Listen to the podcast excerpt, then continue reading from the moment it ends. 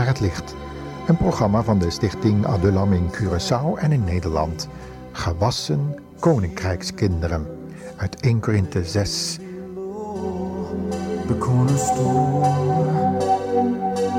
handed down a legacy of poverty. She the art of despair.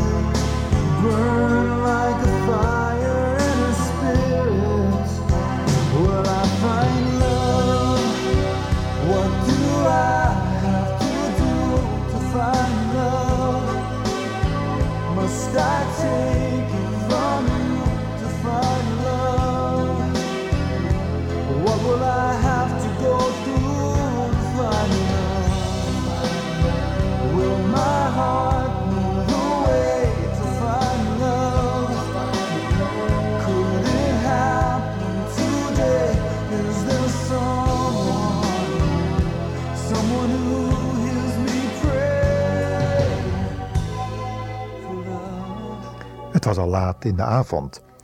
De gordijnen van de gezellig ingerichte studentenflat waren dichtgetrokken.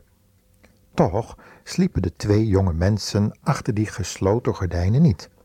Gebogen over hun naar het leek studieboeken stelden ze elkaar enkele vragen over het onderwerp waar ze mee bezig waren. Het waren twee jonge studenten, een jongen en een meisje, die besloten hadden om een serieuze poging te wagen iets van hun leven nog te maken, zodat de maatschappij twee flinke jonge mensen rijker zou zijn. Het was niet gemakkelijk om te midden van zoveel afbrekende invloeden staande te blijven. Overal zag je jonge mensen de vernieling ingaan. Veelbelovende studenten raakten verslaafd aan alcohol, drugs en seks. En slechts weinigen vonden de weg terug. Het jonge stel bleek de Bijbel goed te kennen. Ze lazen het boek, een moderne, eigentijdse vertaling in eenvoudig Nederlands. Het sprak hen aan, in het bijzonder dat gedeelte waar ze nu mee bezig waren. 1 Korinthe 6. Ook zij kenden de onreine invloeden die dagelijks hun zinnen en lichaamsfuncties prikkelden en hadden moeite om zichzelf rein te bewaren, te midden van zoveel verkeerde invloeden. Maar ze hadden de hulp van de Heer Jezus en zijn geest ingeroepen, in het besef dat ze het alleen niet konden. Ze zouden het zeker niet bolwerken in deze maatschappij. En tussen zoveel die zich gestort hadden in het volle leven, zoals ze dat noemden. Laten we eens over hun schouder meelezen. Ze merken onze aanwezigheid toch niet op. We lezen nu uit 1 Korinthe 6, vers 15 tot 19, waar het volgende staat geschreven.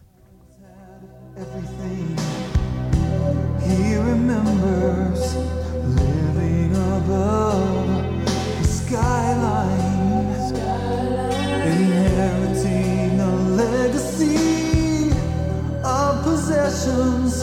He learned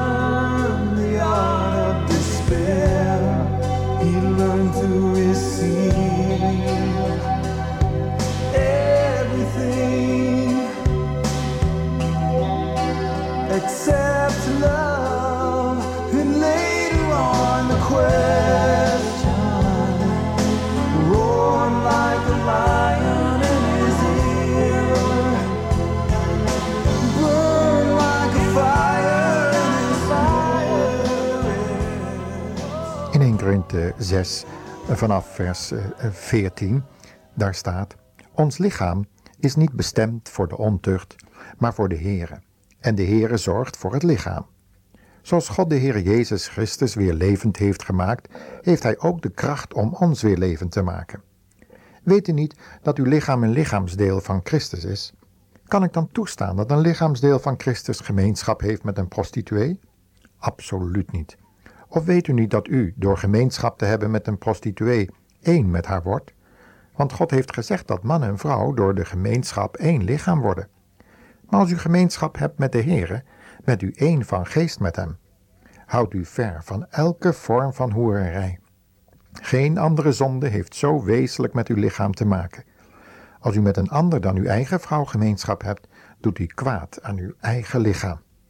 Of weet u niet dat uw lichaam een tempel is van de Heilige Geest, van de Geest die God u heeft gegeven en die nu in u woont? U bent niet van uzelf.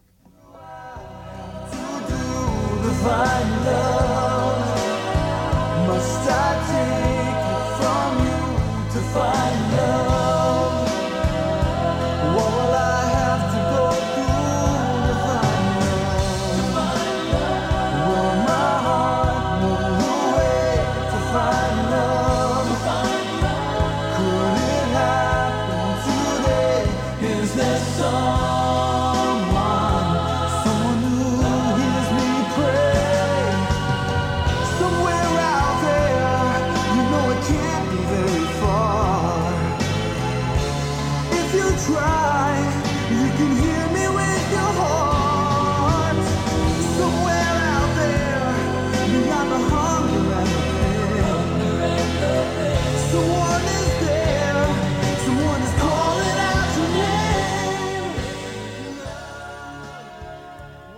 twee jonge studenten keken elkaar aan. De een kwam uit de Antillen en kende de nood van het zogenaamde eenoudergezin. Zijn moeder had lange tijd er alleen voor gestaan. Zo af en toe was er een soort vaderfiguur in zijn leven geweest, toen hij nog jong was. Maar die haakte af zodra zich weer een nieuw broertje of zusje aandiende. Hij wilde niet zijn naam eraan verbinden. Daarna volgden er meer van die vaderfiguren, die zich meenden met zijn opvoeding bezig te moeten houden, maar hun eigen gezin ontvlucht waren en elders nog meer eenzame vrouwtjes meenden te moeten helpen. Hij had op latere leeftijd, na veel frustraties en eenzaamheid, op de universiteit enkele christenen ontmoet, die, waardoor hij tot bekering was gekomen en de Heer Jezus had aangenomen. De Heer Jezus was nu zijn leven geworden. En hij begreep nu wat die zogenaamde stiefvaders eigenlijk deden bij zijn moeder thuis. Hij had het gelezen in 2 Timotheus 3, vers 1 tot 9, waar het over de invloed van schijngelovigen ging. Laten we het zelf ook eens lezen. 2 Timotheus 3, vers 1 tot 9. En we bladeren daarvoor weer eens in het boek. Een eigentijdse uitgave van de Bijbel. 2 Timotheus 3, vers 1 tot 9. Je moet weten dat het in de laatste dagen voor de christenen erg moeilijk zal worden. Want de mensen zullen alleen van zichzelf en van hun geld houden. Ze zullen verwaand en protserig zijn. Ze zullen God belachelijk maken en hun ouders ongehoorzaam zijn. Ze zullen ondankbaar en door en door slecht zijn. Ze zullen hatelijk en koppig zijn, roddelen, ruzie maken en een lage moraal hebben. Ze zullen bruut en wreed zijn en met goede mensen spotten. Ze zullen hun vrienden verraden, zullen roekeloos en opgeblazen zijn en liever hun driften volgen dan God aanbidden. Ze zullen wel godsdienstig doen, maar de kern van het goede nieuws afwijzen. Laat je niet met zulke mensen in. Ze zijn van het soort dat listig het huis van andere mensen binnendringt en vrouwen inpalmt die zondigen en zich door hun begeerte laten beheersen. Zulke vrouwen lopen altijd achter nieuwe leraars aan, zonder ooit de waarheid te aanvaarden of te leren kennen. En die leraars verzetten zich net zo hard tegen de waarheid als de tovenaars Jannes en Jambres, die zich tegen Mozes verzetten. Hun gedachten zijn onzuiver, verwrongen en verward, en ze hebben zich van het geloof afgewend. Maar ze kunnen daar niet altijd mee doorgaan. Op een dag zal hun dwaasheid aan het licht komen, net als de zonde van Jannes en Jambres.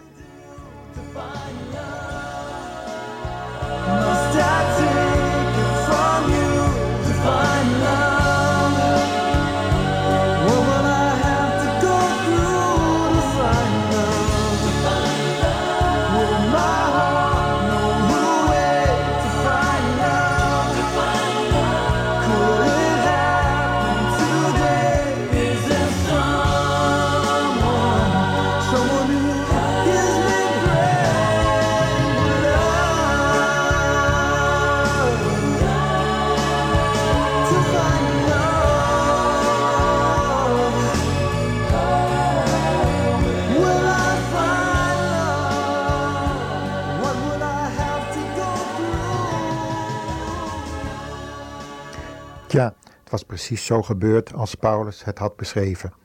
Die zogenaamde stiefvaders, die meenden zijn geestelijk zwakke en afhankelijke moeder te moeten helpen, tussen haakjes, waren ontmaskerd geworden toen het erop aankwam of het door hen verwekte kind hun naam zou dragen of die van zijn moeder. Hij zelf droeg de naam van zijn moeder, nadat zijn vader eh, bij zijn moeder was weggegaan toen hij geboren stond te worden. Hij kende zijn vader niet eens. Zijn moeder wenste niet meer contact met hem te hebben. Maar ondertussen was zijn moeder nog steeds niet tot kennis van de waarheid gekomen, zoals Paulus het uitdrukt. Onze jonge vriend schrok op uit zijn gepeins toen de jonge studente hem vroeg waar hij aan dacht. Hij vertelde het haar. En naderhand zei ze dat het haar in Nederland net zo was vergaan. Ook zij kwam uit een zogenaamd eenoudergezin en was daarom al vroeg van huis gegaan. Ze woonde bij haar vader in. Maar dat was haar niet zo erg bevallen. De man miste zijn echtgenote en dacht in zijn bijna volwassen dochter een alternatief te vinden. Ze had het hem niet vergund en zijn toenaderingspogingen afgewezen, te meer omdat ook zij de Heer Jezus had leren kennen op een studentenbijbelkring. Ze had ingezien hoeveel schade incest teweeg had gebracht bij collega-studentes en had besloten haar lichaam rein te bewaren voor de man die, op God, die God op zijn tijd op haar pad zou sturen. Zou het deze jonge man zijn die zo serieus overkwam, dacht ze. Tot nog toe was hij van haar lichaam af kunnen blijven en dat was al opmerkelijk genoeg in deze tijd. Samen lazen ze verder uit 1 Korinthe 6 vers 9 tot 11, waar we het volgende lezen.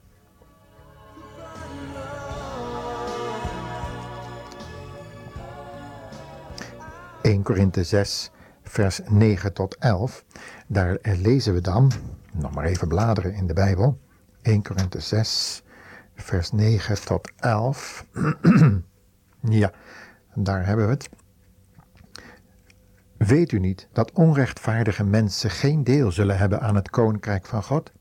Verlaat Gods weg niet. Mensen die vrije seks voorstaan, afgoden dienen, overspel plegen of zich met homoseksualiteiten inlaten, blijven buiten het koninkrijk van God. Dat geldt ook voor dieven, gierigaards, dronkaars, roddelaars en oplichters. Sommigen van u zijn vroeger ook zo geweest, maar u bent nu schoongewassen en voor God afgezonderd. U bent onschuldig verklaard in de naam van de Heer Jezus Christus en door de geest van onze God. Ja, zo was het in hun leven geweest. Veel experimenten hadden schade gebracht aan hun innerlijk. En soms hadden beide gebalanceerd op, ja, hoe zou je het kunnen zeggen, het levenskoord. Met uh, onder zich de afgrond van het verderf. Het was niet gemakkelijk geweest om in evenwicht te blijven. Maar de Heere had hem bewaard, gereinigd en na schuldbeleidenis. En inderdaad, het bloed van Jezus Christus reinigt van alle zonden. Het was geweldig wat daar eigenlijk uh, allemaal door tot stand was gebracht. En ze waren de Heer Jezus er dankbaar voor dat Hij als het lam van God al hun zonden op zich had genomen. Ja, het was zoals Jesaja 53 het zegt. Al onze ongerechtigheden zijn op Hem aangelopen. Hij als het lam van God stierf voor hun en voor onze zonden. In vers 20 van 1 Korinthe 6, daar besloten ze maar mee, daar, daar lazen ze, God heeft u tegen de allerhoogste prijs gekocht. Gebruik daarom ieder deel van uw lichaam om God eer te geven. Ja, dat besloten ze te doen. Om samen verder door het leven te gaan. Maar als reine mensen, die gereinigd waren door het bloed van Christus. Ze besloten in Gods kracht samen te doen wat ze in het gebed die avond aan de Heer Jezus vroegen. En zo namen ze afscheid. Luisteraar, wie jij of u ook bent, deze weg ten leven is ook voor jou, voor u, al wat oudere en rijpere luisteraar. Stel je hart open voor de invloed van de Heilige Geest en Gods heiligende invloed door het woord van de Heer Jezus wil ook jou, u, reinigen en leiden naar die eeuwige heerlijkheid, de hemel en het Vaderhuis. En dat kan vandaag nog, als je je hart nu opent voor die kloppende heiland, Jezus Christus de Heer. Doe open. Nu kan het nog. God zegen je.